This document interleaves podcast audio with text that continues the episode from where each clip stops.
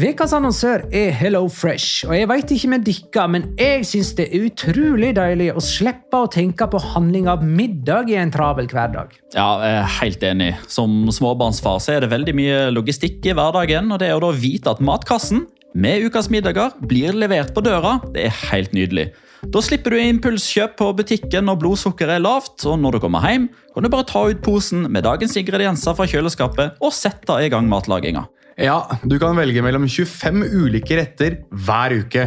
Og de har faktisk en egen kategori som heter Raskt og enkelt, med masse enkle og gode oppskrifter. Veldig greit å ikke måtte ty til takeaway hver gang det er hektisk på jobb. Jeg gleder meg spesielt til sterk chilikylling i min neste kasse. Jeg blir sulten bare av å tenke på det. Ja, Det er ikke feil med bacon og cheeseburger heller, da. Og det som også er bra, er at matkassen koster det samme hver uke, som gjør det enklere å holde matbudsjettet. Ja, og så blir det ikke matsvinn heller, fordi du får akkurat det du trenger til hver eneste rett. Hello Fresh kan absolutt anbefales, og bruker du koden vår, LIGALOCA, kan du få opptil 1779 kroner i rabatt på de fem første matkastene hvis du ikke har prøvd Hello Fresh tidligere. Du kan også prøve koden hvis du har avslutta abonnementet ditt for tolv måneder siden eller mer. Gå inn på hellofresh.no og bruk koden LIGALOCA. Bon appétit! Hallo? Jeg kommer fra Oslo politikammer. Ine Jansen er purk. Er du purk? The motherfucking bitch. Alt jeg vil, er å finne ut hva som skjedde med mannen min. Jon Carew. Er jeg sikta for noe? Iben Akeli. Det er du. Ole So, Lars Berrum og Big Daddy Karsten. Hvem sin side er du på, egentlig? Anette Hoff, Tone Danielsen, Kommer du fra Afrika? Jørnis Josef, Nesten. Kløfta. Trond Espen Seim. Det er synd å si det, men det var feil mann som døde. Purk. Premiere tirsdag på TV2 Play.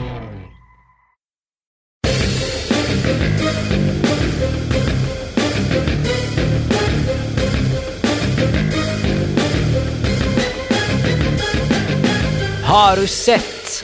Runde fire av La Liga ble runden der spillerne vi aldri blir helt kloke på, slo til samtidig.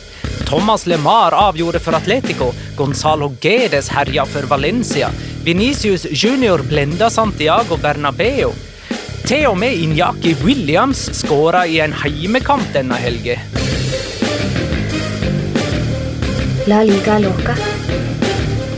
En litt gærnere fotball.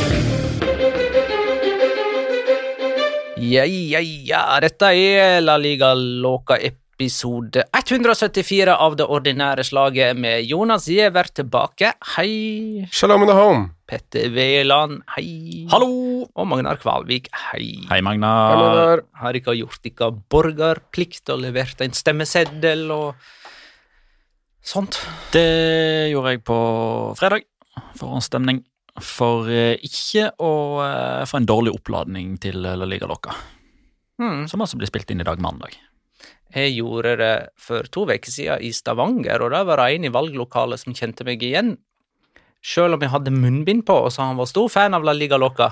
Det var Nei, gøy. det er hyggelig å høre. Det er kult å høre. Men eh, er du så, var du så sikker på hvem du skulle velge eller stemme på, altså, at du ikke levna noe som helst mulighet for å bli snudd eller omvendt i løpet av to uker? Det eneste jeg var usikker på, er hvordan man stemmer når man er utafor sin eh, kommune, der man er eh, folkeregistrert. Så jeg leverte faktisk feil stemmeseddel og måtte gjøre det på nytt. Oi. Oh, ja, så, så, så stemmer de har blitt registrert etterpå?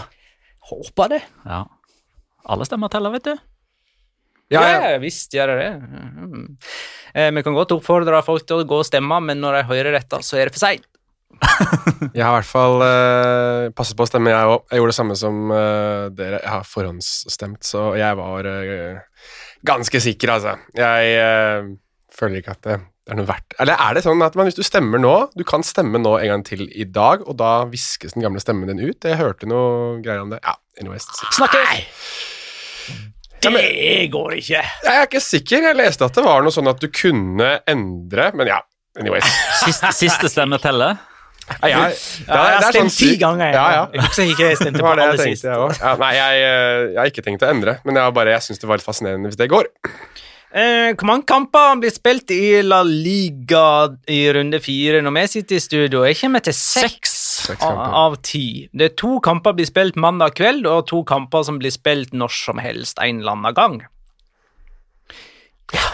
La oss bønne med de, faktisk, eh, de som er faktisk spilt. da. Levante Rayo Vallecano 1-1. Eh, Dette var en kamp som ble spilt på lørdag, og det var for tett på landslagsveka til at Falcao rakk å debutere for Rayo. I stedet debuterte en annen spiss de sikra seg på markedets eh, siste dag, Sergi Guardiola, som skåra og utligna for Rayo to minutter på overtid. Før det så hadde Roger Marti sendt Levante i ledelsen på straffe. Sergi Guardiola har nå skåra like mange mål for Rayo Vallecano denne sesongen som han gjorde for Valladolid hele forrige. Ja. Spilte han uh, særlig for, Rayo- for eh, Hadde 30 kamper. 30? Ja, men det meste som gir men, mm, Nei, over halvparten av de var fra start. Ja. Mm. Alt handlet om Sean Weisman i fjor, vet du. Det var eh, Alt skulle gjennom den israelske tankspissen med 19.418 feiringer hver gang han skåra mål. Måtte, måtte han reise fra Valladolid for å komme ut av skyggen til Weisman, sånn som at Neymar måtte forlate? Og tror du altså da, tror du Weissmann havner i Rayo om fire år? Sean Weisman i Rayo hadde vært en litt sånn artig greie. BB, Sean Weisman, Falcao og Sergi Guardiola. Der har du banda, ass! Uh, Levante har ikke vunnet noen av sine siste ti kamper mot nyopprykka lag. Og de står jo òg uten seier så langt i La Liga-sesongen. Tolv på rad. De vant jo ingen av de sju siste Nei. forrige sesong heller. Og de, de begynner å vise noen sånne sykdomstegn, altså. Mm. Eh, med seine baklengs eh, 96-02. Pacha Espino som utligna i, i første serierunde mot Cádiz. Eh, og så leda de jo eh, 2-1 og 3-2 mot eh, Real Madrid. Holdt ikke hele veien inn, og så er 1-1 på overtid her òg. Jeg begynner å lure på meg om Paco Lopez er den første treneren som ryker. Oi! Jeg skal ikke endre tipset mitt, det skal jeg ikke. Men eh, jeg ser jo hvor det, hvor det bærer en her. Eh, Hva José var- Campagna ute med skade igjen nå. Ja. Hva var egentlig tipset ditt? på Det den? husker jeg ikke Nei. i farten. Kan det ha vært Kan det Var det Paco Lopez? Michel i Getafe? Har vi hatt noen tips? Nei, det tror jeg ikke. For jeg, trodde jo, jeg tror jo at Mitchell kommer til å gjøre det ganske bra i Retafe. Har vi hatt tips? Ja. Eh, godt spørsmål, Jonas. Eh, For du sa jo nå, Petter, at du, had- vi bare at du skal ikke endre tipset ditt, men det er ingen som veit at du har tipsa. Ja, jeg kan ikke huske Nei, at vi har hatt noen tips. Kanskje vi bare har snakka litt sånn løst og fast om det, da, med Mitchell og Codet, som du tror får fyken ganske tidlig, og så får de en sånn ny trenereffekt. Vi mm. snakka litt om det samme om Retafe òg, at når Mitchell har fått sparken, da Vi burde kanskje ikke komme med noe nytt tips nå, i tilfelle det er faktisk er et tips vi har hatt tidligere. Men det er kanskje noe som er verdt å sjekke ut neste gang. Men altså, Michel blir den første, og, og Kodett får sparken i november. Så det bare spørs Ok, det og så hvor, Paco hvor mange som får sparken innen november. Ok, da ser jeg at Paco Lopez er en av de imellom der, da. Ja, Ok, Okay. Før november der, altså. ja. Eller ja, ja. Jo da. 3. november, og så får Godet den 10. Det går jo Ja, det går òg an. Ok, neste kamp. eh, Atletic Mallorca 2-0. Eh, Det var faktisk Mallorca sitt første tap for eh, sesongen. Dani Vivian skåra sitt første La Liga-mål for Atletic, og ja, i La Liga generelt. Han er jo 22 år, har aldri spilt La Liga før denne sesongen, og han starta alle fire for Atletic, og kom altså på skåringslista her. Inyaki Williams skåra 2-0-målet, og det var hans første på San Mames på ni måneder ikke siden januar. Eh, Det var dessuten hans 300. offisielle kamp for Atletic eh, klubb. 115 av de på rad. Oh, ja, det er Ja, 199 på rad i La Liga, da. Eh, Og der er han jo bare tre kamper unna La Liga-rekorden. Men jeg forstår det sånn at han har 115 på Ja, rad offisielle. i offisielle kamper, Ja. og så dermed 199 i, i La Liga. Så den forrige kampen han sto over, var en cupkamp, da. Ja. Altså første gangen han skåret to på rad siden 2018-2019-sesongen. Mm. Uh, som jeg syns Jeg måtte inn og sjekke litt sånn uh, Hvor mange ganger er det han skårer på rad? Altså sånn mange kamper har han har skåret på rad før dette? For nå skåret han jo i sist kamp og, og i den kampen her. Altså Celta og Mallorca. Da måtte jeg til uh, Gameweek 29 og 30, altså kampene mot eh, Levante og Girona. Altså Girona har åpenbart rykket ned, så det sier jo sitt om hvor lenge siden det er. Men, eh, men da skåret han jo også mot Atletico Madrid i eh, runde 28. Så hvis historien skal gjenta seg, så må han da også skåre i neste kamp. Da Da har Marcelino-effekten virkelig tatt av, også for Inyaki Williams. Men um, jeg begynner å lure litt på ja, om vi begynner å se en sånn, eh, sånn som venstrebekkene til Valencia. Begynner vi å se midtstopperne til Athletic? For nå Ingen snakker om Onay Núñez lenger, og hvis noen husker eh, for noen år siden, så var det snakk om at han var aktuell for sånn 30-40 millioner euro til for Husker Westham, jeg. Westham, ja. Aymeric Laporte, for eksempel, har jo gått den veien der. Inigo Martinez, åpenbart fra, fra La Real, men Geray. Geray, ikke minst. Også Dani Viviano. Ja. Mm. om vi begynner å se en sånn midtstopper-tradisjon som er i emning, i hvert fall, da, i, uh, i Atletic. Fordi jeg syns Dani Vivian har vært fantastisk god, jeg. Eh, og, og han har vært nære ved å score tidligere også. Jeg husker ikke helt hvem det var han hadde en kjempeheading mot. Det var tidligere i sesongen. Var ikke det mot Barcelona? Kan det ha vært det? Ja, ja kanskje det var det? Jeg lurer på om det var en dødball der mot Barcelona. Ja. Hvis ikke må det ha vært i aller første runde mot Elche. Ja. I hvert fall, han er en bauta og spennende type. Eh, og igjen, ingen snakker om Onay Núñez til tross for at han var liksom i et liten per periode der. Men eh, vi må jo snakke litt, eh, eller vi må glede oss litt over at Iker Monjain ser ut til å være litt født på ny. Eh, tre målgivende allerede, to i denne her. Um, og jeg syns det er litt interessant at han begynner å bruse litt med fjærene igjen nå, for han hadde jo et skikkelig oppgjør med folk i Bilbao eh, på den aller første pressekonferansen denne sesongen når de møttes på, på Lesama, for han er jo kaptein. Eh, og da da hadde det sirkulert et bilde av han uh, sammen med noen lettkledde damer og et par lagkamerater, litt sånn, og, og folk mente at han da hadde vært et dårlig eksempel. Uh, og det tok han liksom et oppgjør med, da, at vi, vi må liksom ikke komme der at alle fotballspillere skal være roboter som bare går og legger seg klokka 11 på kvelden og spiser gulrøtter og spiser vann. Det må være, noen, det må være plass til alle samfunnstyper. Sånn sett så er det jo på mange måter liksom viktig for han da, at han leverer. Når han på mange måter, han starta sesongen med å basically skjelle ut hele Atletic-fansen. Eh, Men ingen pipekonserter mot han, så vidt jeg har registrert, så kanskje gjorde han det såpass tidlig i det at det, at det var glemt eh, når første kampen ble spilt en måned etterpå. Um, det var bare de to kampene der på lørdag. Nå har vi gått til søndag, der Español Atletico spilte 1-2 på RCDE Stadium.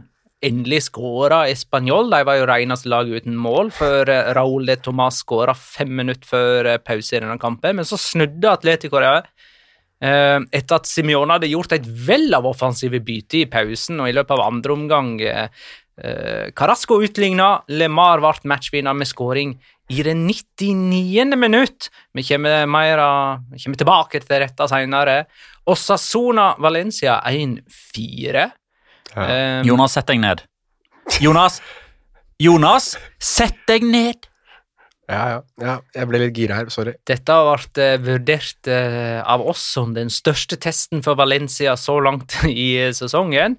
Eh, og da leverte de sin beste kamp og sitt sterkeste resultat. Carlos Solé skåra ikke her, bare sånn at det er nevnt, men han hadde en målgivende til Maxi Gomez, og det er òg en prestasjon, for Maxi Gomez han har bare skåra to i to av sine siste 21 kamper for eh, Valencia. Var Skåra Alderete. Det gjorde han. Ja. Alderete. Ehm, og, men den virkelige syretesten her uh, synes jeg altså, Da Moncayola scorer 1-0, så er det jo det mest valensianske av forsvarsglipp du får mellom da Alderete og Mamardashvili.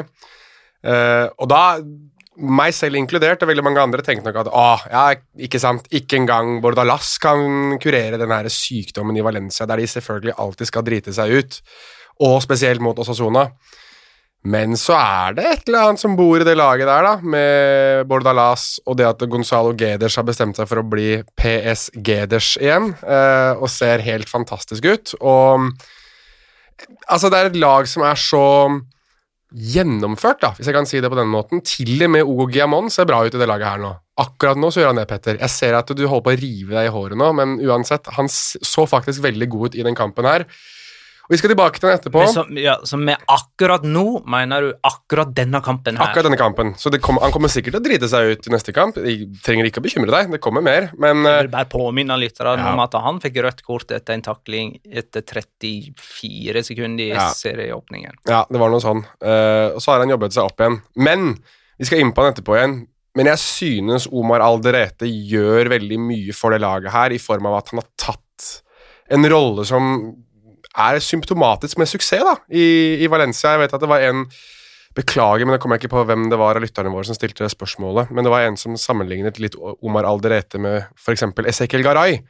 Og det syns jeg var en veldig god sammenligning, i det at han kommer inn og virker som han har hvert fall klart å roe ned rekkene rundt seg, og virker som han har en, en um, stabil tilstedeværelse, og det er noe som f.eks. Gabriel Paulista virkelig uh, ser ut til å vokse i. og den spilleren som kanskje har gått mest fra negativ til positiv i løpet av preseason og nå i starten, det er Thierry Korea. Gud hjelpe meg hvilken høyrebekk han har blitt på bare noen måneder, virker det som. Altså, han ser jo helt vanvittig god ut. Um, det var Holu Insa, han uh, Valencia-journalisten, la ut et bilde av uh, Terry Korea på slutten av forrige sesong, og hvordan han ser ut nå. Det at han tydeligvis har lagt på seg 5-10 kilo muskel, og bruker den, den muskuløse kroppen sin for alt det er verdt i alle kamper nå. Han ser helt fantastisk ut. Det var Børge Utby som spurte om allerede var det nye Garay og Gonzalo Gedes var det nye Gedes. Eh, ja. PSGDs, det er, eh, det er jo det han For de som lurer på hvor det kommer fra, det, han var jo på utlån åpenbart i, i Valencia fra PSG og var helt uh, enorm, og så kjøpte de han, og så har han vært skit fram til nå. Men Roar skarre er spørre hvem mener dere er den beste treneren i La Liga, og hvorfor mener dere det er Pepe Bordalas? Valencia skal vinne ligaen, mens Getafe skal rett ned til Segunda. Og ja, hvis Valencia tar topp fire-plassering, så, så er Bordalas eh, sesongens trener. Ikke hvis Lopetegi leder Sevilla til førsteplass. Ja, Oi. Det er det eneste Altså- som kan toppe det. Men, men nå tenkte jeg litt sånn når jeg sa Valencia på topp fire, at det var- virka litt sånn usannsynlig. Og så kommer Petter med Sevilla på førsteplass eh, og topper usannsynlighetsgraden ytterligere. Mener du virkelig at det er Ja. Nei. Men du, Martha Persdatter, formerly known as Rønnaug, eh, spør jeg siden i valgdag i dag, eh, ta La Liga-trenere som norske partiledere. Jeg tenkte liksom, hvor hen, hvor hen i det norske partilandskapet hadde vi plassert Bordalas? Den stive, litt sånn eh, Han er ganske hissig. Ja. Altså, for eh, altså, jeg er ingen sterk mann på politikk, bare så det er sagt. Nei, Men det er bare et eller annet som sier meg her at PP Bordalas, det er Bjørnar Moxnes. Det er rødt. Det er klinkrødt. Jo, for at han er litt sånn litt sånn revolusjonæraktig. Litt Ja. Går sine egne veier og Og er ekstre, ute etter sånn ekstrem rettferdighet. Ingen skal skille seg ut. Har ikke noe å si hvem du er, hva du heter, hva du tjener. Du, altså, du vil gjerne at alle skal tjene akkurat det samme, og gjerne ned i lønn for å vise at her er vi på borgernes side. Og, Ja. Er han den, altså? ja, jeg lurer på det, altså. Jeg, jeg, jeg har han på enten helt rød, eller så er han helt i andre enden. Altså, ikke, ikke, si, Han, han, han ikke, ikke lysglimt, liksom, men litt mer på den Altså, jeg, han er vel siden. heldigvis ikke partileder. Ja, eller? gud hjelpe meg. De trenger ikke å ta med han. Men, Men, men, eh, hvem hadde stått i frontene for Frp? Hvem er La Ligas Lysthaug? Listhaug, som Listhaug, Listhaug. ja, Sylvi Listhaug. Ja. Skjønner at du ikke er så sterk på partipolitikk. Silvi Lysthaug. Ja, um, hvem er det som er fremmedfiendtlig? Er det det du prøver å spørre om nå? Uh, har lyst til å sende folk som- Marcelino kjører jo kun spanjoler, da. ikke uh, Altså, Roberto Saldado er jo ikke en trener, men uh, han har jo uh, ytra sine litt sånn høyreorienterte politiske Ja. syn. Han er jo en voks uh, Ja, det er han. Støtter, tror jeg. Ja. Jo, men det, det har han jo faktisk sagt. Det har han. Ja. Uh, nei, men det er et veldig jeg synes, Dette her er et morsomt spørsmål. Nå prøver jeg å få, få opp lista over trenere i La Liga. Hvem er Carlo Angelotti, da, for å snu på det? jeg lurer litt på om han er Arbeiderpartiet. Jeg lurer Er på det om han er Støre. Ja. Ja, det tror jeg er enig, det er jeg enig med deg i, men jeg syns ehm, Manuel Pellegrini er for meg litt Erna Solberg. Litt sånn aristokratisk. Virker rolig, men virker som det er et lynne der òg når det trengs. Manuel Pellegrini er um, Han kommer jo fra et land som er enten veldig høyrestilt eller veldig venstrestilt. Chile er sånn Enten så er det Michel Bachelet, eller så er det han Pimenta eller hva han heter for noen andre på andre sida. Nei, Pineda heter han. Så det er enten eller. Jeg tror liksom Manuel Pellegrini er Erna Solberg. Jeg, jeg ser jo òg en liten sånn likhet. Altså, Erna Solberg får jo veldig mye kritikk for at hun gir skattelette til de rike, altså de aller Ja, rikeste. ja, ja, ja. Tidligere Real Madrid og City-trener, liksom. Det er et eller annet eh, som ligger som en likhet der. Er Vedum, da? hvem er det som må gå av? Hvem, hvem, hvem taler bøndenes sak i La Liga? Altså, Det hadde jo vært Mendy Libar, men Eibar er der jo ikke lenger, dessverre. det hadde jo vært Maurizio Pochettino, for han skal jo bare på gården sin istedenfor å trene. Kikkesett igjen. eh, Kikkesett igjen, han er jo ikke trener lenger. Nei, Men han sto jo ute på jordet og mata kyrne når han fikk telefonen fra Barcelona. stemmer det? Det kom, eh, jeg tror eh, Senterpartiet kom under sperregrensa i La Liga-sammenheng, så de er på en måte ikke ute, alle de som representerer Vedum. Ja. Diego Simione. Det er mer Bjørnar Moxnes for meg. Ja. Men der er det vokst så jævlig. skal, vi, skal vi ta like godt Lysbakken Skal vi si SV der, da? Ja! Den syns jeg er grei. Men noen må jo være SV-er òg. Mm. Miljøpartiet De Grønne. Ja, hvem er mest uh, opptatt av miljøet i La Liga?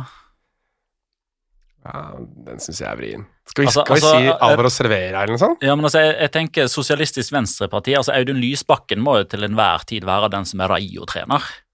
Så jeg tenker det er jo kanskje Andoni Iraola som, som må få den, altså. Ok, med Iraola i SV. Ja. Greit. Han er Lysbakken. Uh, hvem Vi mangler KrF.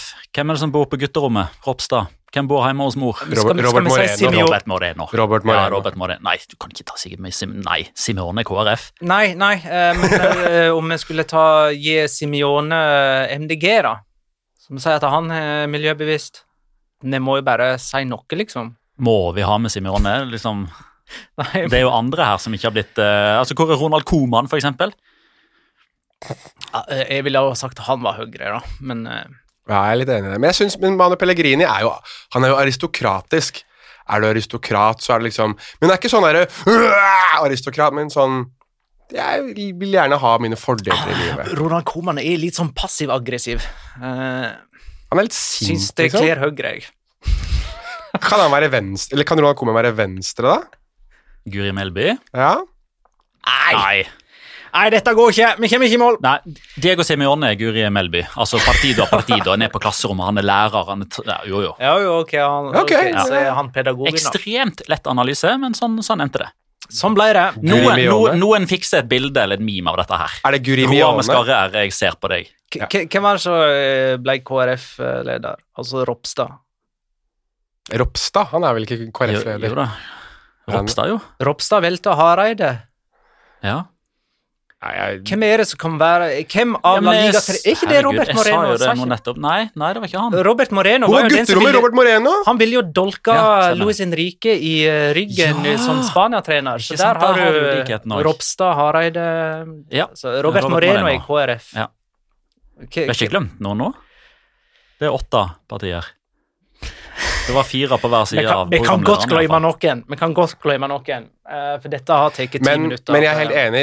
Roar eh, med skarre her. Ja, Please. vær så snill. Gå gjennom det der sammensuriumet her nå, og så lager du noe magic ut av dette. Vær så snill. Du er, eh, du er helt rå. Jeg må bare få shout at han skikkelig for den der Paradise Hotel-greia med deg, Magnar.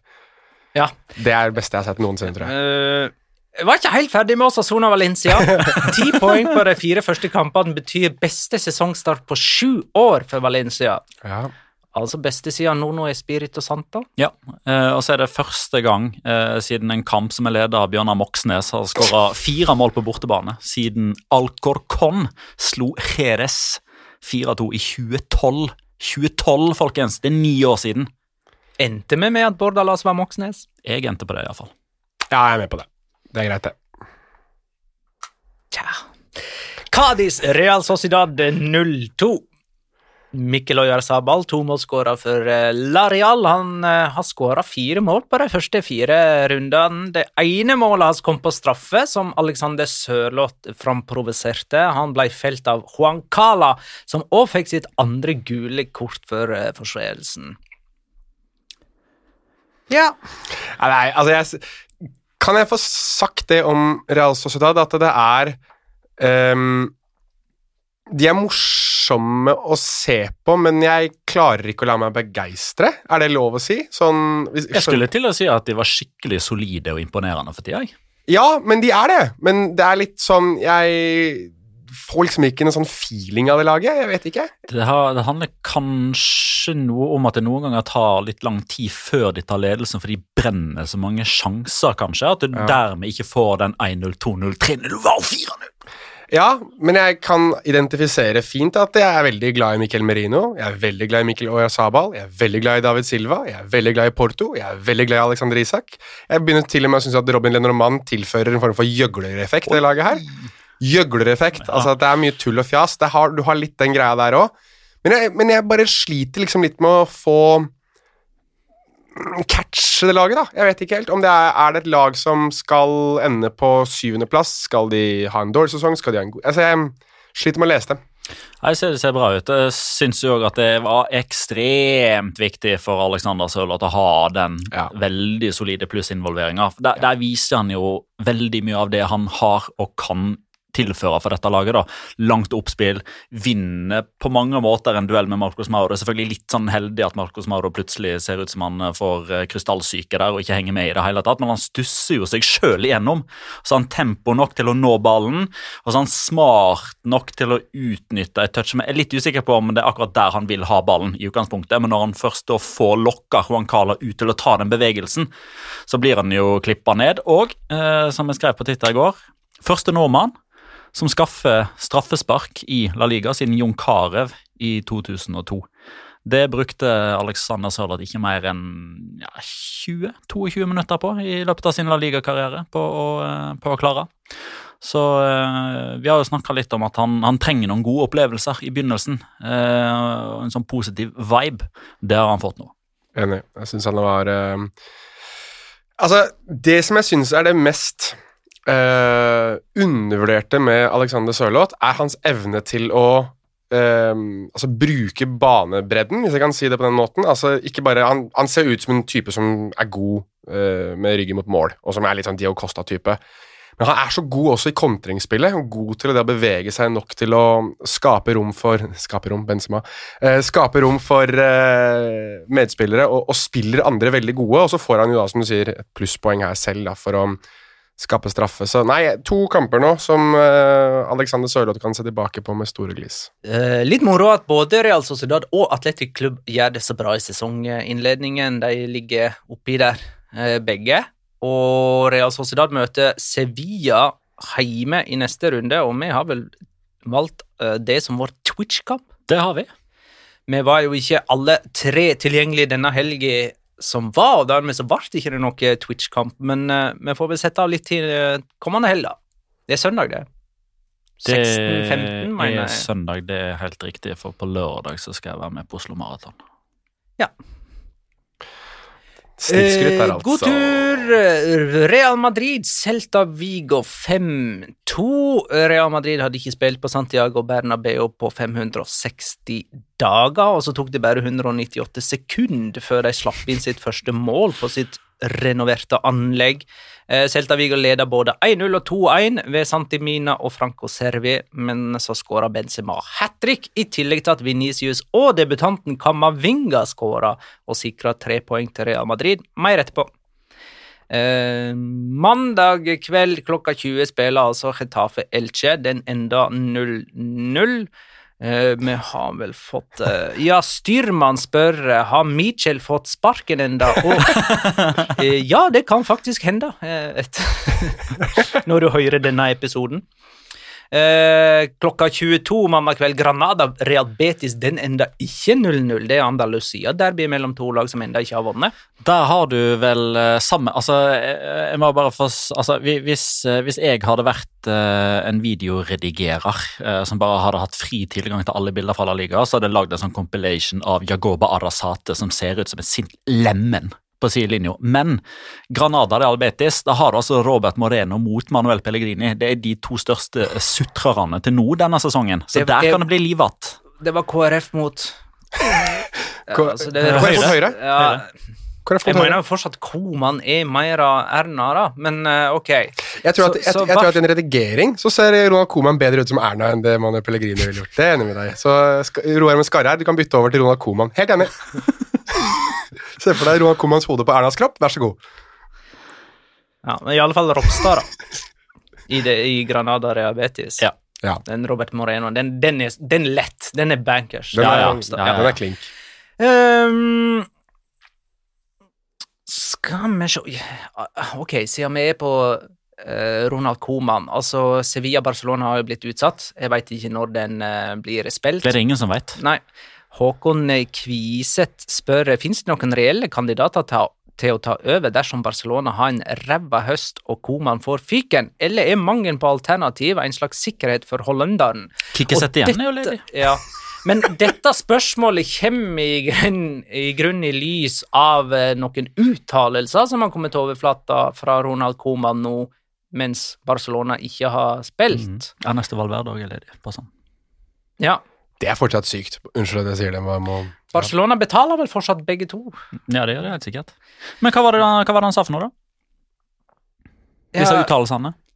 Nei, Han hintet jo om at det, var, at det var uenigheter mellom han og John Laporta. At John Laporta hadde blant annet sagt at eh, Eller Ronald Koeman hadde ikke likt at John Laporta hadde sagt at i, i deres klubb så var det ikke treneren som hadde last say. Altså det var noe som var eh, Ja, treneren hadde ikke alt ansvaret. Og det, det likte ikke Ronald Koeman i det hele tatt. Han sier vel at han har blitt bedt om at de skal spille 4-3-3, og Ja, at uh, han skal bruke Omtiti og Ricky Pudge.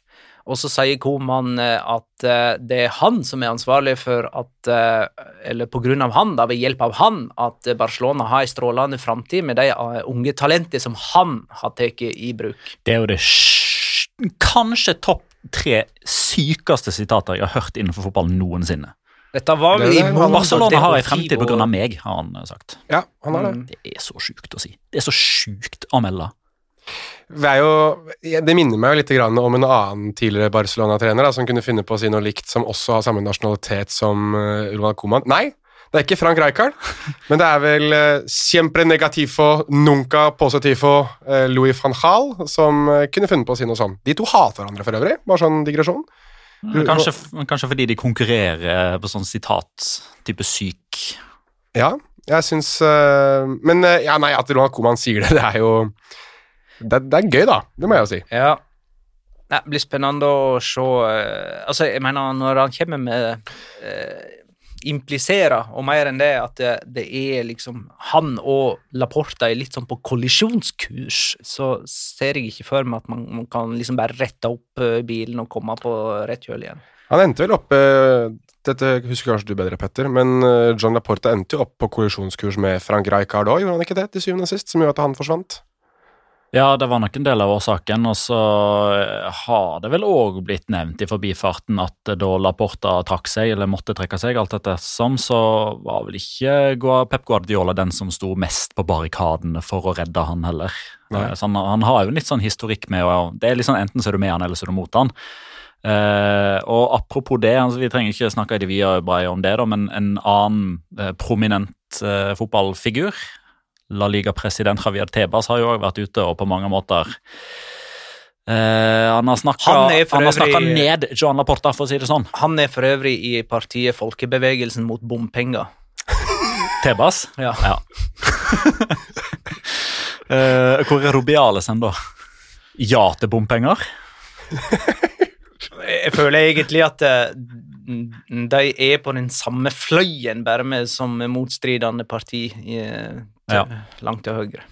Uh, uansett, da. Uh, Javier Tebas uh, han har jo på mange måter nulla Joan Laporta og bortimot kalt han for nik eh, nikkedokka til Florentino Perez. Ja, jeg så det. Eh, han har sagt at eh, Joan Laporta har vært ute av fotballen i over ti år og har ikke klart å omstille seg til hvordan realitetene er nå.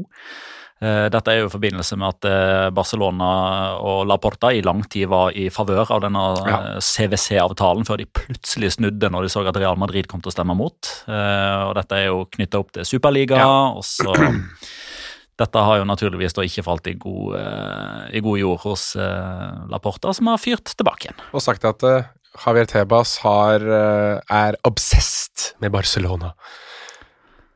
Ja, nei, men eh, Men spørsmålet her var jo hvem kan ta over for Ronald, Ronald Koeman? Nei, spørsmålet var om mangelen på alternativ er en slags sikkerhet for hollenderen. Eh, Det var altså Håkon Kviseth som spurte. Og var ikke det egentlig det som var årsaken til at Koman i det hele tatt fikk starta denne sesongen som Barcelona-trener? Kanskje ikke nødvendigvis mangel på alternativ, men mangel på penger. Altså, man har jo ikke råd til å sparke. Uh, man hadde i alle fall ikke råd til å sparke en trener og ansette en ny, liksom.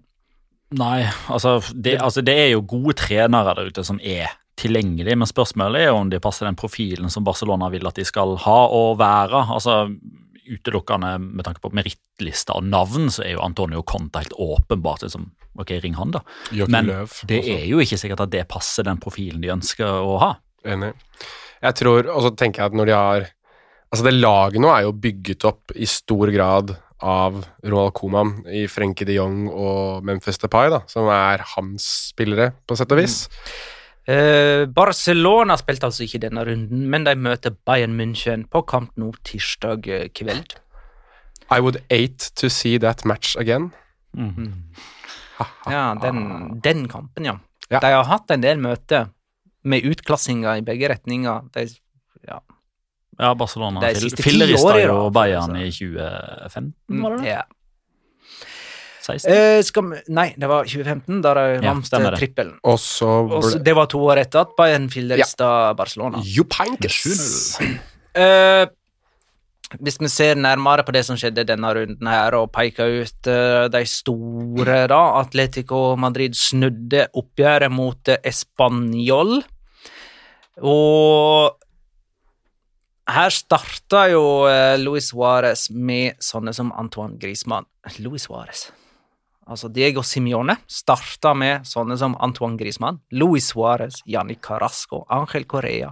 Og så kom eh, João Felix, Thomas Lemar, Mateos Cunha inn. Tenk at vi skulle sitte og si at Atletico Madrid har et enormt offensivt artilleri.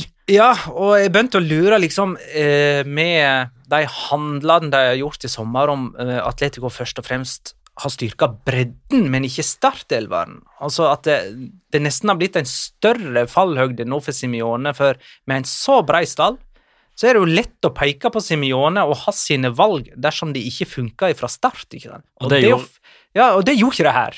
Nei, det funka overhodet ikke. Nei, Han gjorde tre bytter i pausen. Men, men her, her kommer jo høna og egget-spørsmålet. Eh, altså, skal man da være kritisk til Simione for måten han velger startelveren på, inngangen til kampen, analysen man gjør, eh, vurderinger man har av Español som motstander, eller skal man hylle han for å ta grep når han faktisk ser at det ikke funker? Tre bytter allerede i pausen, og effekten er jo umiddelbar.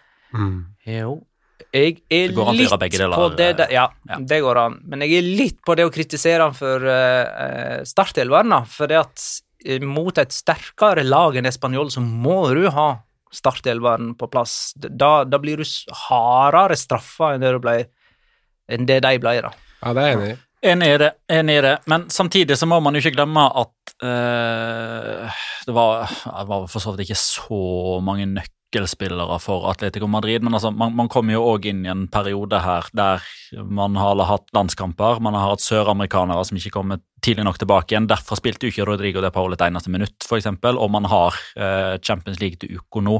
Men jeg er enig eh, med deg, Magnar, i at man, man kan definitivt være kritisk til at eh, man ikke nødvendigvis traff bull's eye på eh, startelveren, og det føler jeg liksom ikke at det er første gangen heller.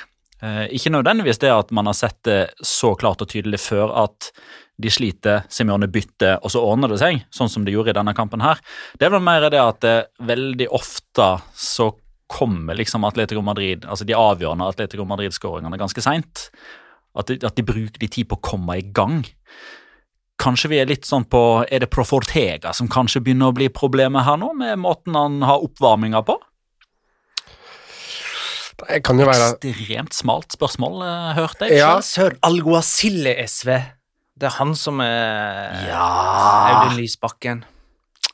Roar, Ja. Roar, Roar med skarre her nå, for du legger ut uh, den derre Vi, vi tar en oppsummering helt på tampen. Roar. Ja, med det. altså, bare hør hele episoden, så kommer det på slutten. Ja, fordi vi skal faktisk innom uh, litt rann, uh, mer valggreier etterpå. Uansett, um, bare ta en som jeg føler at det er eh, De mangler litt grann Atletico Madrid, kanskje. Sånn når the going gets tough. Nå er det litt rart å si med tanke på at de vant en liga uten henne i fjor, men eh, Mono Burgos eh, Det var veldig mange Atletico Madrid-spillere som snakket eh, om at der Diego Simione var litt røffere og vanskeligere og tidvis litt sånn tunnelsynaktig, så kunne de alltid eh, finne den brede, lune favnen til Mono Burgos. Og han har jo vært borte en stund nå, og har han fått seg ny jobb? Det tror jeg ikke han har. Eh, han var Jo, ikke han hev- Fikk ikke han et Men Burgos? Jeg tror han Er hovedansvaret han for en klubb hovedtrener i i Argentina, da? Jo, jeg mener det. ja, mulig han har fått seg Skal jeg sjekke kjapt, kjapt, kjapt? kjapt. Men uansett, så Ja, han er trener i Newell's Old Boys. Ja, intet mindre.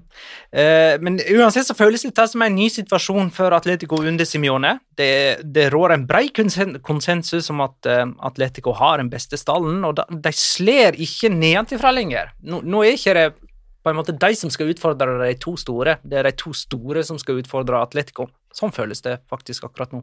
Flere stusser over at det ble lagt til ti minutter i denne kampen. Endre Tengren, for eksempel. Ti minutter tillegg. Hvor heldige var Atletico som fikk med seg tre poeng i denne runden? Altså, De var til en viss grad heldige som fikk med seg tre poeng i denne runden. Eh, på samme måte som at de var heldige som slo Elche, fordi det var en kjempetabbe av Kiko Kasia. Eh, og de var heldige som fikk poeng mot, atlet, mot Viareal, fordi Aisa Mendy bestemte seg for å heade ballen i eget mål fra 25 meter. Eh, så det er jo ikke noe som helst tvil om at eh, Bestemte seg for å heade ballen. Så litt sånn ut. Eh, altså, Marginene har jo helt åpenbart gått i Atletico Madrid sin favør i, i begynnelsen av sesongen her nå, men, men akkurat det der med tilleggstida, det, det, jeg kjenner at det engasjerer meg veldig. Uh, og det er veldig trivielt. Uh, men altså, før denne sesongen her Utelukkende ett fokus på tilleggstid, og det er det er for lite tilleggstid i fotball. Altså, Hver gang man snakker om tilleggstid, så er det fordi man klager. Altså, Hvordan kan man bare legge til tre minutter? Det har jo drøyd. og Det har vært bytter, og det har vært skåringer, og det har vært varsjekk, og det har vært drikkepause, og det er ikke måte på. Og nå er det plutselig for mye! Nå er det plutselig ja. for mye. Man har altså, blitt vant til at det blir lagt til for lite. Uh, og, og, det har man klagd på. Ja, og dermed så skjønner ikke man hvorfor man plutselig skal legge til riktig eller uh, mye. Uh. Fin cliffhanger, Magnar, fordi torsdag 12. august mm. Hva skjedde da? Jo, da var det et møte mellom samtlige trenere i La Liga og Segunda Divisjon. 42 mann. De hadde ett felles, unisont, bortimot krav til dommersjef Velasco Carballo. Legg til mer. Hvorfor det, spør Velasco Carballo. Fordi La Liga er den toppserien i Europa, topp fem, eventuelt topp seks, alt dette som, der det spilles minst effektiv fotball i løpet av en sesong. Det har blitt for lett, det har blitt for attraktivt, det har blitt for lett å la seg friste til å drøye med tida, fordi man ser at det veldig ofte hjelper. Det, det er ofte sånn underdogen sliter til seg poeng. Og jeg, jeg, jeg syns jo at fotballen vinner på at det blir mye tilleggstid, fordi det betyr at det, i mindre og mindre grad så belønner det lagene som forsøker å drøye, senke tempoet og hale inn resultater på tampen. For, og, og, og, derfor så har man nå altså Til nå denne sesongen så har det blitt spilt snart fire serierunder i La Liga. Og det er spilt fem serierunder i, i, eller fire eller fem uh, serierunder i Segunda. 17 ganger 17 ganger har det blitt lagt til sju eller flere minutter. Og det var liksom for, for, to sesonger siden, da, hvis det ble lagt til sju, da er det noen som har trengt oksygen til førsel ute på banen. liksom. Da har Røde Kors holdt på i fire-fem minutter før en spiller har blitt båret ut. Det har liksom vært årsaken til hvis det har blitt lagt til sju minutter. Nå har det blitt mer normalen. Og det er jo av, av, flere årsaker. Det er den som jeg var inne på nå, om at det, det er til tider veldig mye drøying i La Liga. Jeg kan jo bare sitere Diego Simione, det han sa etter denne kampen. Jeg har aldri sett så mye drøying av en tid i en fotballkamp noensinne sa han. En annen ting er jo VAR. Monitorsjekk. Eh, I denne kampen altså var det en skåring som ble annullert pga. offside. En subjektiv offside. Først skal de dra linjene for å finne ut om det er offside eller ikke, og så skal dommer ut for å se om det faktisk er straffbar offside eller ikke. Jeg ser at du er veldig ivrig til å snakke om. Ja, for at du går gjennom, altså det er en, David Sundell har delt eh, bilder med oss på Twitter, der, der, man faktisk har gått gjennom hvor lang tid alle disse tingene du er inne på nå, faktisk tar. Jeg kan godt ja. dra kjapt gjennom det. Altså, mål til eh, LeMar og Altså, det er bare for andre omgang. Bare ja. så at jeg er med. Ja, ja. Eh, Daniel annullerte mål til Neymar Nei, Neymar. LeMar og tre bytter. 5.35. Altså 5 minutter og 35 sekunder. Drikkepause to minutter. Uh, hjelp til Felipe ut på banen, 1 minutt og 10 sekunder. Uh, hjelp til Darder, 1 minutt og 45 sekunder. Hjelp til Melamed, 1 minutt og 10 sekunder. Uh, sjekk av målet til Carasco, 1 minutt og 5 sekunder, og tre bytter til, 1, 1 minutt og 30 sekunder. Totalt så er det da, bare i dette, uten drøying, 14 minutter og 15 sekunder. Mm. Tillagt tid 10 minutter. Og da kan man jo eh, supplere med dommerekspert i Carusel Deportivo på Cadena Ser, Itoralde Gonzales, som sa at 10 minutter det var, det var heller for lite ja. enn for mye. Grunnen til at man reagerer, er jo at det blir en scoring. Det er jo den eneste grunnen til at man snakker om disse ti minuttene her, og ikke de Nei, åtte, eh, og de åtte minuttene som ble lagt til i Celta Vigo mot Atletico Madrid. Da ble det ikke scoring. Da var det ingen som snakka om det. Jo, men det var oppstandelse på stadion da det timinuttersskiltet kom opp, da. Ja, men ingen hadde brydd Ingen hadde snakka om det i dag hvis den kampen hadde endt 1-1. fordi da hadde ikke Espanol tvitra et bilde der dommer, dommer, fjerdedommer står med ti med skrifta 'Vi håper dette blir normen resten av sesongen òg'. Ja, det blir det faktisk, fordi treneren deres har bedt om det. Litt moro òg at når ballen gikk utover sidelinja på stillingen 1-1 i hendene til Español-trener Vicente Moreno, så sto han helt sånn forfjamsa og visste ikke hva, hva han skulle gjøre av den ballen. Var det fjerdommer som skulle ha han, eller hvem var det som skulle ha den ballen, selv om han visste at det var et Español-innkast? Vicente Moreno fikk gult kort for drøying etter 96 Ja, minutter. han, akkurat den episoden. Men da, er, men da er jo spørsmålet Skal man legge til mer, eller hva, hva Ja, det Ja. skal man. Men man ja, ja, bør- Jo, jo, jeg, jeg er jo enig i det, men Eller primært så skal man jo bare samle tre, primært trenerne, da, som er sportslig ansvarlig for alle klubbene, og bare, Ja. si, bare drit i den der jævla drøyinga. Drit i det. Kom Ja, jobb, på jobb, så spill legger vi fotball. til 15 minutter, Ja. og, eh, og så drastisk bør det faktisk være. Og spørsmålet er om det ene laget i den kampen her står for ansvaret for det faenskapet vi ser. Og det kan du mest sannsynlig se, høre og vite mer om i en potensiell episode av La Liga Loca TV, som kommer på fotball-TV snart. Ok. Real Madrid de åpna sitt eh, nye Santiago Bernabeu og snudde kampen sin, eh, de òg. Det var mange snuoperasjoner, spesielt på eh, søndag. Valencia snudde mot Osasona, Español snudde mot uh, Unnskyld, Atletico snudde mot Español, og Real Madrid snudde mot uh, Celta Vigo. Uh, Dere husker eller har blitt påminnet om når sist Real Madrid spilte på Santiago Bernabeu og hvordan det gikk? Det var 2-0 mot Barcelona i mars 2020, var ikke det? det? Riktig. Mariano som skåra. Ja, etter ett minutt som innhopper, ja. Ja. Men Og- da og hadde Vinicius, jo Venicius skåra Ja. før det. Jeg husker bare Mariano. Vinicius han har jo nå skåra fire mål han eh, denne sesongen her, og det er flere enn eh, han har skåra noen La Liga-sesonger. Han er faktisk i sin fjerde sesong i Spania nå. Jeg skulle til å si at han er faktisk i sitt livs form, Ja, for det er han. ja. Han er så god, han nå. Er det sånn Vini Vidi Vici nå? Er det blitt uh, han, Altså Men Petter, dette her lurer jeg på, for jeg vil ha din, vil ha din analyse på det. Skåringen til Venicius, Mm. der ser du kanskje der han har vokst mest. Ja. For der venter han ut keeper, mm. og avslutninga er perfekt i hjørnet. Altså, det er der hvor du Ni av ti ganger før så Ja. tenkte du at denne, denne driter han seg ut på. Ja, men, jo, jo, men altså Men nå er han sikker som banken. Ja, men når jeg satt og så der eh, altså Han var jo alene med keeper så lenge at man faktisk rakk å tenke Ja! hva han kanskje tenkte på. Eh, og, og, og der begynte jeg å tenke litt sånn Ok, du er tilbake igjen på Santiago Bernabeu. Eh, der har det knytt seg veldig ofte fordi det har vært fans, fordi det har vært forventninger.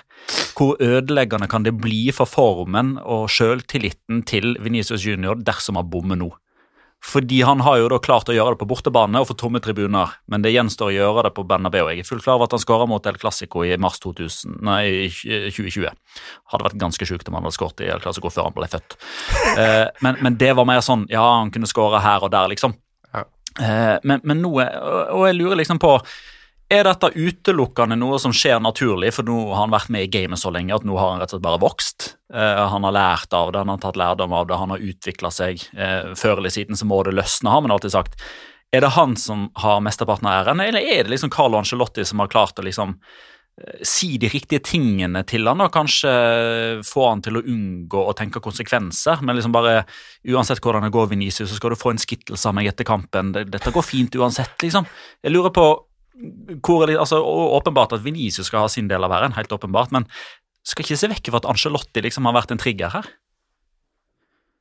Ja, jeg er enig. Jeg, eh, Men nå skal jeg ha et spørsmål til deg ja. og deg. ja. Du må nesten si hvem du peker på, men når det er oss Men begge, sier så er det greit. begge to, så eh, Deg, Jonas, og deg, Magnar. Når man ser Venicius holde på nå, Ja. eh, skåre mål, assistere, eh, fikse straffespark, eh, tar sånne der eh, nedtak der han har liksom foten på baksida av stamfoten. Rabona-nedtak og sånn, ja. Ja, og eh, no look og ta ned ballen med ryggen og sånn. Ligner litt grann på Ronaldinho, men, men akkurat det Jeg trodde Neymar er noe, da, men eh, Jo, Neymar, Ronaldinho, pick your Brazilian guy. Eh, bli, eh, har han vært litt for god i litt for kort tid til å ha det fårete gliset som han har når han skaffer straffespark der. Men liksom, Han reiser seg jo opp og jubler for straffespark og står der og gliser nesten før dommer har blåst. Ja, det Er det, er det litt mye? Litt, Det er, er det nesten som man liksom håper at noen take han, eh, prikker han litt på skuldra og sier 'ikke glem fotfeste' og sånne ting. Ja, jeg håper jo noen gjør det. Fordi, altså, nå, eh, ja, altså, vi, vi skøyer med dette konseptgreiene og sånn, men, men det er liksom det er Egentlig bare du som skøyer med det der konseptgreiene og Nei, jeg, Nei, jeg, jeg tuller den, med det, men Petter Eh, hater det. Drar Jonas eh, opp støtt og stadig. Eh, men altså, eh, jeg håper jo at Venicius Junior skal bli så god som han kan bli, fordi La Liga trenger disse stjernene. altså La Liga Loca trenger typer som Venicius Junior for å fremme interessen, ikke sant? Jo, men det Jo, bevares. bevares. Men jeg håper at det ikke blir hans bane, at han blir liksom for cocky for tidlig, som gjør at han blir en sånn ekkel type som motstanderlaget skal ta. Det er bare, ok, det er Venicius, ja. Hver kamp, og så er han ute med skade. og... Sånn man blir storstjerne, vet du. Jo, men det er en balansegang der. Ja, men det Og det er derfor sånn jeg lurer på om han vipper litt for mye over mot cocky litt for tidlig. Ja, men det sp ja, ok, men det spørs jo litt da på hvem du skal sammenligne ham med. Altså, fordi jeg som så Neymar uke inn og uke ut i Santos, for eksempel, så var, altså, der var det jo akkurat samme greia. Og der var det jo Jeg husker jo brasiliansk TV gjorde det til en greie da han endelig ble satt på plass av en midtstopper som het DD. Han ble jo, altså DD lekte jo med Neymar, men det var jo fordi at han var typ fem hoder høyere og tre låvedører bredere enn Neymar. Han ble jo uttalt som The Deckenbauer etter den kampen, for han hadde satt Neymar på plass. Og Det ble jo en stor greie. og Greit nok Santos Real Madrid er to forskjellige ting, men samtidig, jeg håper jo da Jeg håper at Venicius eh, kommer til det nivået hvor han kan eh, gjøre noe av det samme som Neymar gjorde, i hvert fall å skape show. Kamavinga er jo faktisk yngre òg enn Venicius. Vinicius. Han kom inn, han er fortsatt 18. Han blir eh, 19 i løpet av høsten. Skåra eh, seks minutter ut i eh, debuten sin. Kevin Madsen skriver Kama, Kamavinga går fra 1-1 på Færøya den mandag til å skåre på Santiago Bernabeu søndag. La Ligas største kontrastveka hittil i sesongen. De spe, eh, han spilte for U21-landslaget til Frankrike, og de spilte 1-1 på Færøyene. Spørs hva, spørs hva Georgi Mamardashvili gjorde uka før han debuterte for Valencia. Det Han satt jo på, be jo, han satt jo på benken for Georgia nå, da. Han fikk jo ikke spille engang. Og så uh, vinner han i Pamplona. Ja, er det en større kontrast enn Nei. å spille 1-1 på Færøyene. Nei, Jeg sa ikke at det var større. bakte, vi kan godt bare si nei og gå videre. Ja, jeg tror vi skal gjøre det. Men han var god! Han er god. Han var god. Kamavinga var veldig god. Og jeg synes, men så inne på cocky, da. Første Kamavinga gjør når han kommer innpå, er å dra en sånn sålefinte, og der han egentlig bare kan spille ballen fra Jo, seg. men gjorde han sånn rett etterpå? Det veit du ikke. Mest sannsynlig så tenker jeg at jeg fikk høre at eh, den spilleren han gjorde det mot, sikkert fikk høre det. Benzema hadde hat trick og målgivende pasning. Eh, Bare sånn by the way. i, uh, Toppskårer i La Liga med fem mål etter fire kamper. Hvor mange målgivende har han? Fire? Ja. Ni, har fem. ni målpoeng på fire kamper. Ja. Uh, han har tangert den aller beste starten på en sesong for en Real Madrid-spiller noensinne. Jeg husker ikke hvilken sesong det var. Kan ha vært 12-13. Da hadde Cristiano Ronaldo ni målpoeng etter fire kamper. Det har Karim Benzema tangert nå. Um, Celta Vigo har ett poeng på fire kamper, og om de ikke slår Kadis på fredag, så er ikke det sikkert hvor det sitter helt til november engang. Men det uh, gjør de, uh, fordi jeg hadde notert én ting uh, på Kadis Real Sociedad som ikke ble nevnt i stad. og Det ble jeg veldig glad for at du minner meg på nå, Magnar. For Kadis er det desidert dårligste laget i La Liga. Hva angår å ha grunnspill og evnen til å treffe medspillere med en pasning. Og det å ha et ønske om faktisk å spille litt fotball sjøl. Altså, Kunne Kodett ha vært Vedum? Eller er det Lopetegi? men hvorfor gikk vi bort ifra den vi valgte i stad? Hvem, hvem var det, da? Nei, ikke se på meg, jeg mista helt fullstendig oversikten. nå. Eh, nei, vi snakka om... litt må om notere ned de greiene ja, her. jeg har én, to, tre, fire, fem, seks stykker her nå. Vi mangler, Jeg husker ikke i farten hvem Melby og Vedum hadde, men da drev vi og snakka om liksom hvem som var liksom representerte bøndene. Vi skål, skråna litt med Kikiset igjen, som ikke var der. Jeg tror eh, Diego Simione ble eh, Guri Melby, for at eh, han er så Ja, pedagogisk. Stemmer det. Og så har vi faktisk uh, Une Bastholm her òg, som vi må innom på en uh... Shit, vi har glemt Une Bastholm. Ja. Faen!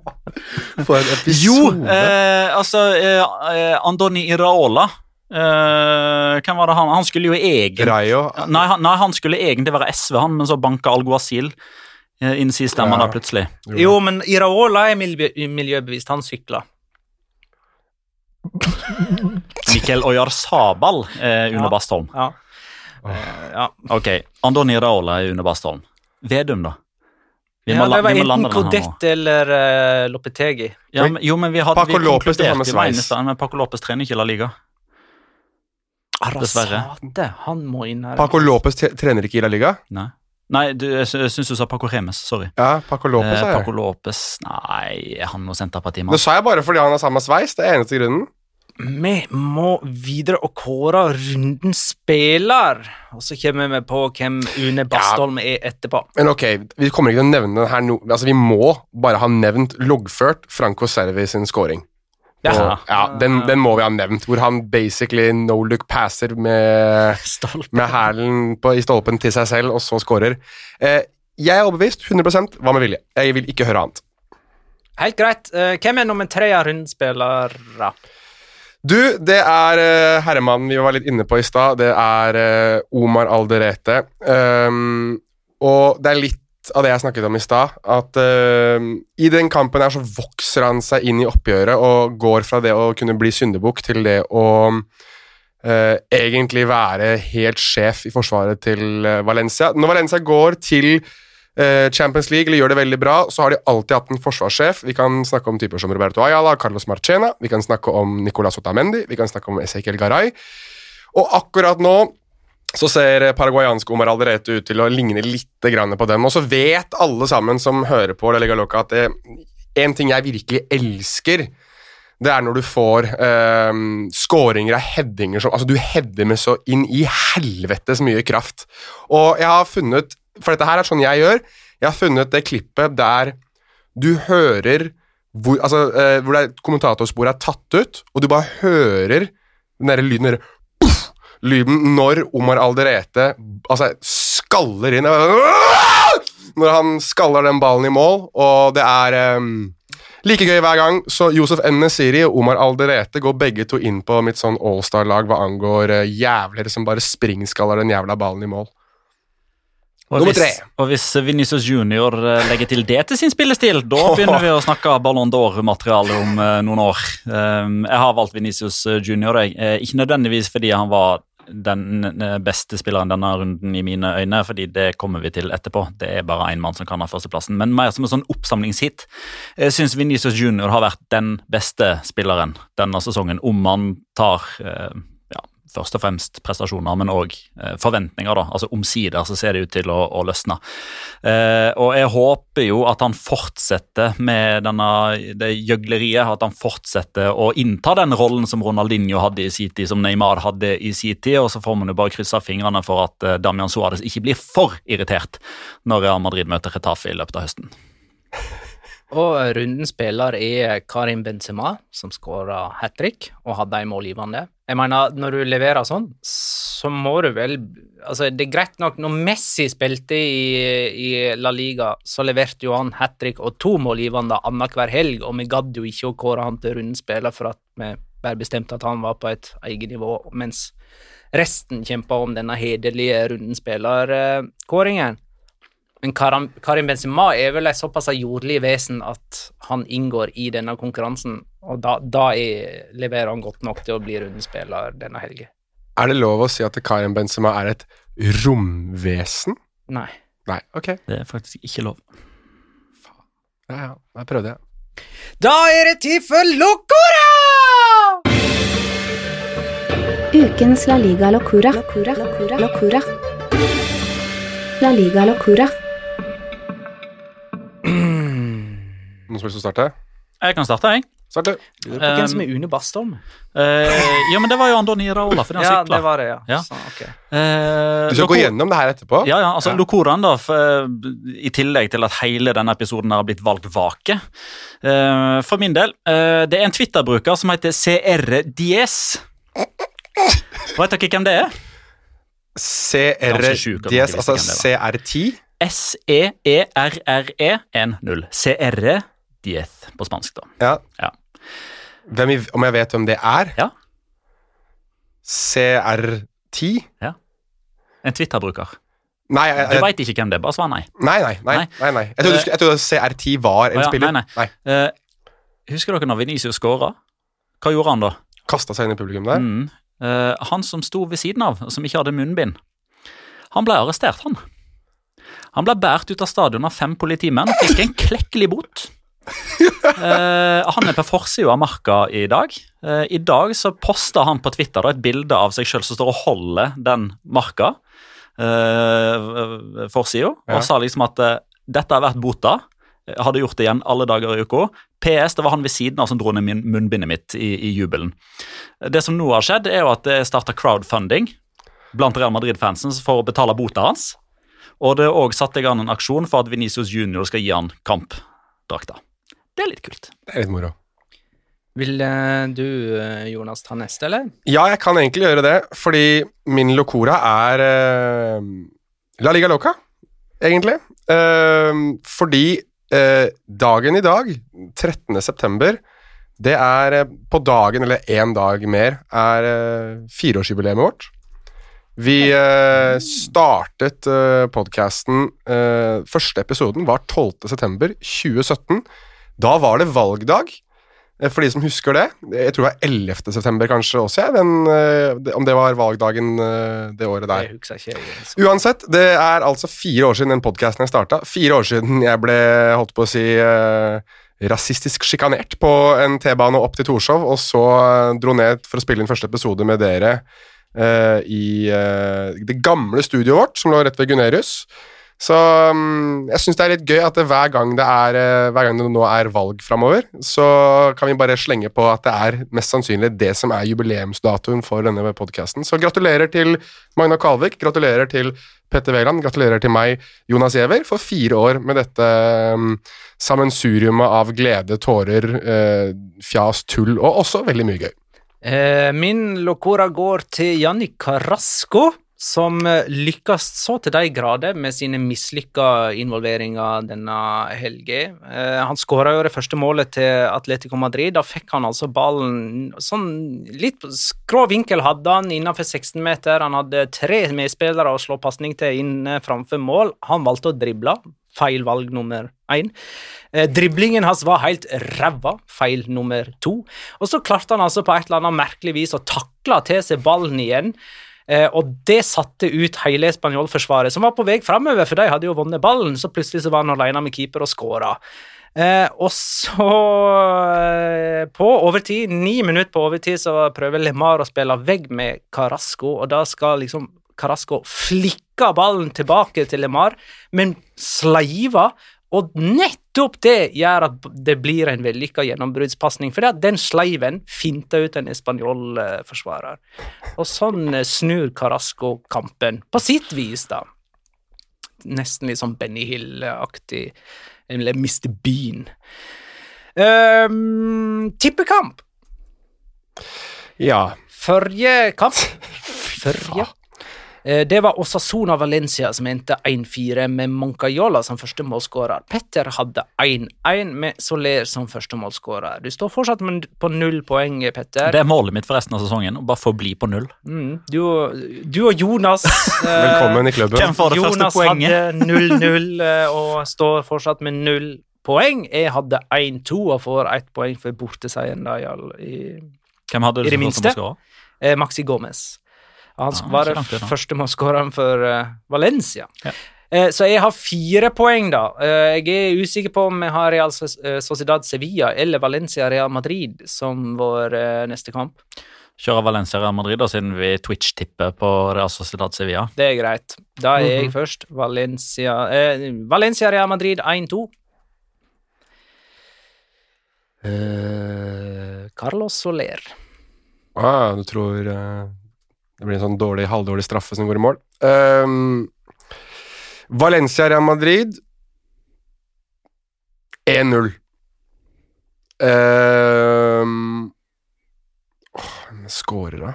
Ehm, Maxi Gomez. Da tar jeg Valencia Real Madrid 0-2. Benzema. Greit. Har vi regjeringskabalen på plass? Ja, Plus, jeg har i ja, fall skrevet ned det jeg tror vi lander på, med en kort begrunnelse, med unntak av Angelotti og Alguacil, for der er liksom, den trumfer bare du gjennom uten egentlig å forklare hvorfor. Men uh, KrF er jo, altså KrF Ropstad er jo da Robert Moreno. Ja. Uh, fordi vi tror han fortsatt bor på gutterommet, og pga. den han, han kicka ut Louis Henrique, sånn som Ropstad kicka ut Hareide. Ja. Um, um, og så har jeg tatt meg friheten til å endre uh, Moxnes fra Pepe Bordalas, uh, for det kom jeg på nå helt på slutten. Altså, Det er jo klink alvor å servere. Altså Opptatt av likheter og, og, og alt sånt. ja. Den, den er klink. Den er non-negotiable. Uh, Guri Melby, Venstre, det er jo Diego Simione pga. klasserom og lærer og alt dette her. Jo. Jeg tenker Det burde være en som eh, var fornøyd bare med å ligge så vidt over sperregrensa. En sånn Louis Garcia Plaza-ting som bare sånn, er sånn skikkelig dårlig, men akkurat god nok til å få jobb likevel. liksom. Enig. Enig. Den var ikke innegosiable. Louis Garcia, er akkurat godt nok. Luis Garcia Plaza. Ja, Ja, han er greit. Guri Milby. Ja. Ja. Eh, og så lander vi jo på eh, MDG, Une Bastholm. Det er Andoni Iraola, rett og slett fordi han sykler. Ja, det, det, jeg tror han sykler. Han ser ut som Nå en tror vi bare at han sykler. Han ser ut som en som sykler! Jo, men han passer til MDG, han. Eh, ok, og Audun Lysbakken, Sosialistisk Venstreparti. Alguacil fordi Eh, f- det Det var det Alguacil som var SV, altså? Du Jeg, har- jeg satt jo her og hadde han et ser kjempeargument, jo- med han, og så bare banka du inn. ser jo ut som en sosialist, er ikke han? eh, en Fordi han vil- ser ut som en sosialist. Han vil ha med hele samfunnet i sånn der felles uh, dugnad. For uh, Ja, Nå tok du jo basically sloganet til Støre, da, med 'alle skal med'. Jo, jo, men det er jo SV som faktisk er sosialister. Dette der er jo bare noe Det er jo bare slogan, det er jo bare noe Støre sier, det der. Ja, Og Jonas Gahr Støre, det var Carlo Angelotti. Fordi Nei, det må jo eh, Jeg tenker jo litt størrelse på klubb eh, og posisjon òg. Altså, han er jo en av de store i eh, La Liga. Eh, vi var veldig usikre på, på hvem som skulle få rollen som Trygve Slagsvold Vedum i Sp, men i og med at Bordalas da ikke lenger er rødt, kan vi nominere han på bakgrunn av at absolutt alle lagene han trener, får masse grønt på shortsen? De er nede og takler, og sklir hele veien. Men ok, han, han er på en måte Bordalas er en som klarer å skape sånne frontsteiler. Ja, Steile fronter, heter Og han svarer aldri være, på spørsmålene som blir stilt, han Ja, heller. Uten å være i eh, en av polene til høyre eller venstre. Ja. Så jeg er med på at Bordalas er faktisk Og Retafe plutselig langt oppe, sånn som Senterpartiet var, men så når han forlot de, så var de ganske langt nede likevel. Nei, ja, selvfølgelig. Eh, Landa vi på at uh, det var uh, altså Sylvi Listhaug, Fremskrittspartiet, Marcelino fordi han bare bruker spanske spillere? Lo de lokale først, sant? Greit. Uh, og Erna Solberg. Uh, vi har jo hatt egentlig Pellegrini som et uh, Ja. forslag fordi han har lekt seg med de rike, sitter i Madrid. Men du vil ha Ronald Koeman? ja, Nå var det egentlig fordi at jeg syns at Ronald Comans hode på Erna Solbergs kropp hadde sett morsomst ut, men, uh... Men det kan sikkert Roar med Skarre få til åkkesom en annen gang. Ja, nei, men Skal jeg være sånn fra det jeg vet om Manu Pellegrino, som er en aristokrat og ingeniør og liksom veldig sånn øh, Ja, jeg holdt på å si litt mer øh, reservert av seg som person, så ville jeg ha hatt Manuel Pellegrini som, som Erna Solberg. Det ville jeg. Da har vi ni stykker, da. Får ikke Julian Lopetegi noe som helst her, altså? Kastet ut et et Han sted. være stortingspresident, han, da.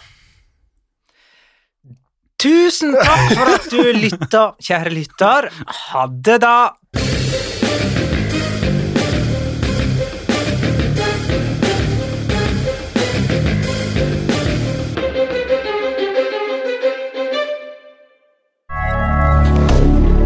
Moderne media. Har du et enkeltpersonforetak eller en liten bedrift? Da er du sikkert lei av å høre meg snakke om hvor enkelt det er med kvitteringer og bilag i fiken, så vi eh, gir oss her, vi.